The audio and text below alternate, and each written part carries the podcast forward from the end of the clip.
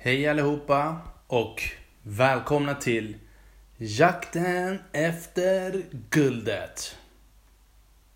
Mitt namn är Armond Faltin och denna podd är till för att jag ska hitta nya drivna vänner i jakten efter guldet.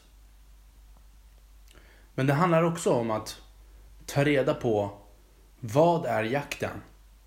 Vad är guldet? Varför gör man det här? Jag vill tacka för den fina responsen efter avsnittet som vi hade med Diana. Otippat så fick jag höra att en lyssnare var släkting med henne.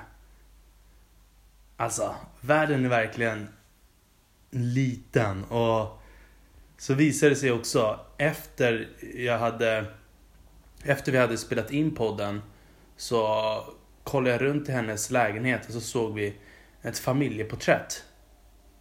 Jag tycker att jag känner igen killen på bilden där. Och så säger jag hans namn högt och chansar. Tror ni inte att det visar sig vara rätt? Då har jag och han gått på samma grundskola när vi var små. Ja, jag tycker det är roligt när allting kommer ihop i cirklar och när sådana här saker sker. Sånt brukar ju... Sånt brukar ju ofta ske när man åker utomlands. Då är det alltid någon bekant man stöter på.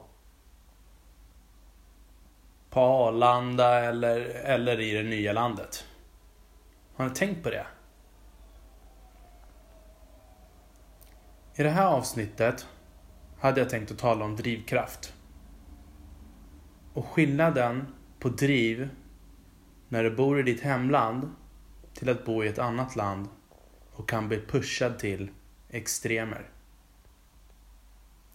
När det inte finns någon mamma, pappa, syskon eller vän att gå hem och äta hos. Det här avsnittet kommer skapa en del friktion. Och en del kan till och med komma känna avsky. Men det är också till för att ge perspektiv och för att skapa samtal. Jag vill tillägga att jag inte rekommenderar någon att göra det här. Det här är en story jag har fått medgivande att berätta om. Och det är ingen uppmuntran till att göra något sådant. Jag är en öppen person. Och jag dömer inte någon så länge du inte skadar någon. Och jag always respect the hustle. Jag träffade en kompis häromdagen. Som gav mig feedback angående podden. Han sa, det är dags nu det är dags att du börjar berätta lite historier. Så folk får se att du sticker ut. Vi vill höra intressanta historier.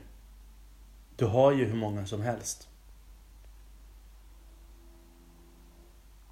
Jag har nämnt tidigare att jag har sökt folk med krokiga historier och att det är meriter meriterande om ni har bott utomlands. Det är för att jag vet att folk som har bott utomlands har mer skinn på näsan. Och förmodligen har varit med och sett ett och annat. När jag bodde i Thailand så såg jag både glamour och misär. Men en sak hade det gemensamt och det var driv. Driv för att tjäna pengar till varje pris. Där vissa gjorde vad som helst för att slippa åka hem. Och andra för att bygga imperium. Namnet jag nämner i denna historia är fiktivt. Då jag vill hålla honom anonym. En härlig dag för många år sedan träffade vi en kille som vi kallar James. James var en vältränad stor kille som alltid bar finbyxor och svintajta skjortor. Första gången vi träffas så ses vi av en slump längs vägkanten utanför en restaurang. Han hejar på min kompis och frågar om inte vi ska in och käka tillsammans och snacka lite skit. Det är så man gör om man är en världsvan resande person. Ser man någon som ser ut som en själv så tar man kontakt. Men det är också viktigt att man alltid håller ett avstånd. Då man aldrig kan veta vem man stöter på. James och min vän har stött på varandra ett flertal gånger tidigare. Men aldrig tagit kontakt. Vi tackade ja och vi går in till restaurangen för att äta. Vi alla beställer tonfisksallad. Och verkar ha gemensam syn på kost och träning i alla fall. James börjar berätta om sina senaste olika jobb och affärer. Olika byggprojekt han har gått med i som han stolt visar upp i mobilen. Efter den här kvällen vill han bjuda hem oss på middag. Vi tackar ja och så går vi på middag hos honom senare i veckan. Vägen hem till honom var som att man kom direkt in i slummen fast mitt inne i stan. Bland alla andra hus. Men det var något annorlunda här. Det var liksom helt tomt på gården. Som att det var övergivet. Med bara massa hundar och katter. Jag kommer ihåg jag kommer ihåg att jag tänkte, jaha. Är det in hit vi ska in och äta? Han bor säkert enkelt. Vi ska nog ha en klassisk mysig thaimiddag. Han kanske har fru och barn. Vi hade ju inte kommit dit i konversationen än.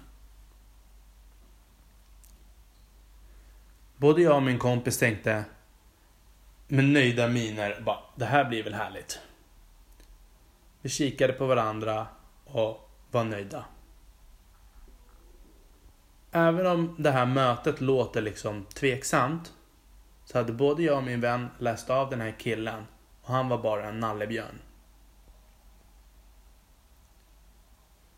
Vi går in i en enkel trevåningsbyggnad. Med katter och gatuhundar härjandes mellan trappuppgång och utgång. Högst upp finns en tunn plastdörr som har vikt sig som en banan med ett simpelt hänglås som har lås för dörren. Öppnar han dörren och när vi kommer in så ser vi världens fetaste lägenhet. En stor studiolägenhet i toppskick där allt är uppdelat i sektioner. Lägenheten är som en rektangel. Och om jag ska uppskattningsvis säga så kanske den var närmare 200 kvadrat kanske. Först när man kommer in är det en stor hall med två stora tresitsiga bänkar på varsin sida av väggen. Sen har vi små fotpallar raddade längs väggen också om man behöver stöd när man ska knyta skorna. Ett mingelbord i mitten och en bra mäktig takbelysning. Det var en stor mingelhall helt enkelt. I slutet på den stora hallen fanns två rum på varsin sida. Det var två stora badrum med både toalett, dusch och jacuzzi i vardera badrum. Efter hallen var ett stort öppet kök Där ena sidan var till för att laga mat och andra sidan längs väggen var det en stor bänk med platser för fem personer och ett avlångt stort bord och stolar till. Det var plats för ungefär en 12 manna festivitet. Efter, var efter köket så kommer vardagsrummet. Och det var väl som vilket vardagsrum som helst. Soffor, bord, fåtöljer, TV, värstingsystem, en typiskt klassisk mancave vardagsrum. Och så fanns det tillgång till balkong. Till sist kommer sovrummet. Med en stor säng och fåtöljer på varsin sida av sängen och en 60-tums-TV på väggen. Sen kommer vi ut till en stor takterrass där man kan se hela stan med utemöbler, grill och hela faderuttan. Vilket härligt smultronställe! Mitt bland alla taggbuskar som han har skapat. Man kunde se hela lägenheten från hallen när man kommer in. Med en härlig luftig gång som genomsusade lägenheten. James var en driven kille och hade finger både i restaurang och byggprojekt. Investeringar som han strax kommer att komma att bli blåst på och förlorar allting. Efter vår middag har vi inte träffat honom särskilt mycket mer. Alla har ju liksom sitt. Men vi råkade stöta på honom igen några månader senare då han hade förlorat allt. Och han var nu hemlös. Han sov på soffor hos olika väninnor och ibland ute.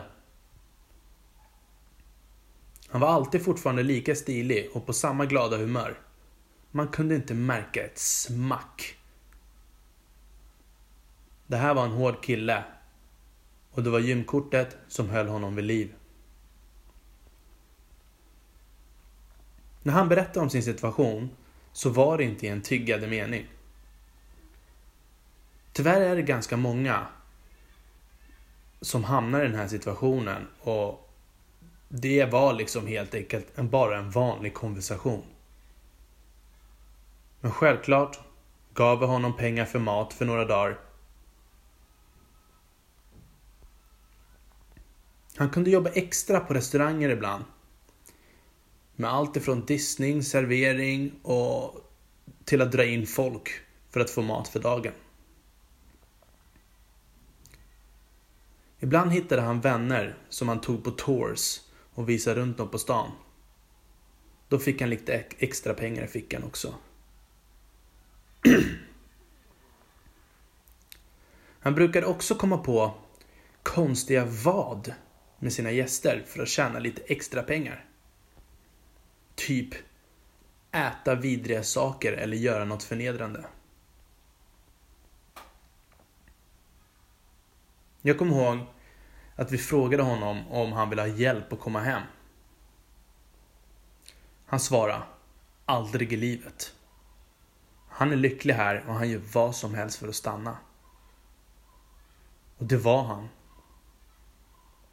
Det var tydligt. Det här var ingen falskt smile med en grov ångestkvid i ögat. Han utstrålar nästan ett buddhistiskt lugn. Han var ingen nybörjare. Han har varit här förut och han vet vem han är. Men nu hade han en plan på hur han ska göra för att komma på fötter igen.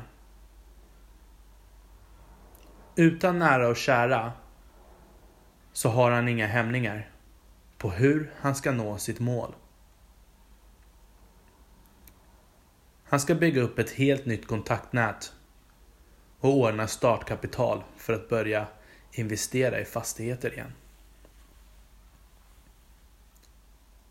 Han bestämmer sig för att börja sälja sig själv till killar, fast han är hetero. Tjejer betalar inte för sex. Han går med i diverse datingappar och ordnar till och med en hemsida. Med ett välvårdat västerländskt utseende och välklädd samt god fysik är väl det här ungefär som att vara en blond flicka i Marocko. Det här kommer bli en hit. Han har nämligen testat detta tidigare i sina konstiga vadlekar med sina gäster. Han får offra något år, säger han. Sen kommer han ha pengar och makt, precis som kvinnorna har. Vi ser på han att han är exalterad. Kroppen är ett verktyg. De vanliga jobben är värre. Vi tänker inte något mer på det och önskar han all lycka. Why not? Min period är över och jag åker hem till Sverige igen. Några år senare, när jag kommer tillbaka till Thailand, så stöter jag på honom igen. Denna gång är han på fötter igen och hans plan hade gått som smort. Han hade slutat sälja sig själv men får månadsbidrag från flera rika internationella affärsmän som vill ha kvar kontakten. Även fast de vet att han har en god inkomst nu. De vill ha någon att prata med. Även om det bara är någon gång per år. I deras hemländer är alla så dömande och okunniga. Du vet att han är hetero och det är ingen sex i bilden. Det var det oftast inte innan heller. Innan de fick veta något. Han berättade att han var mer som en guide och en vän till vilsna själar. De vill ha kvar kontakten, att kunna ringa honom när de hade problem i arbetet eller i annat i livet. Att prata med någon med perspektiv och erfarenhet. Han får pengar fast han äger ett flertal lägenheter, skapar event och tillställningar. Du vet även att han får pengar från andra killar. That's business. Det är ingen som bryr sig om sånt. Det här är inga pengar för de som ger. Det är väl som att slänga någon hundralapp för en vanlig människa i månaden. För att ha standby affärsrådgivning, rekrytering eller bara ett vanligt samtal. Det vill mer än gärna underlätta hans stress i hans byggande. Det är helt öppna kort.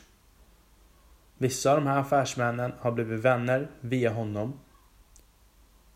Han har matchat affärspartners och fått lägenheter som tack. Hastigheten och drivet, hur snabbt det kan gå i de här länderna är helt sjukt. Han gör en hel del välgörenhetsprojekt runt om i landet också. Där han hjälper barnhem med saker som kläder, möbler och presenter. Och ibland utflykter. Det har varit hans riktiga kall varför han gör det han gör. Och han har smittat av sig på många i hans omgivning.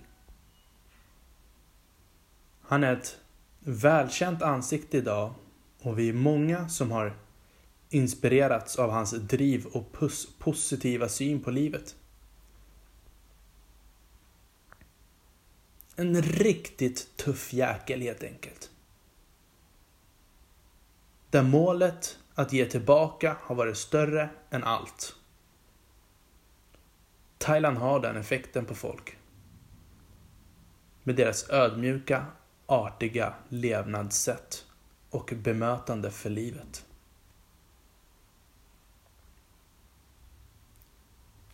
Tack för detta avsnitt ett avsnitt för perspektiv.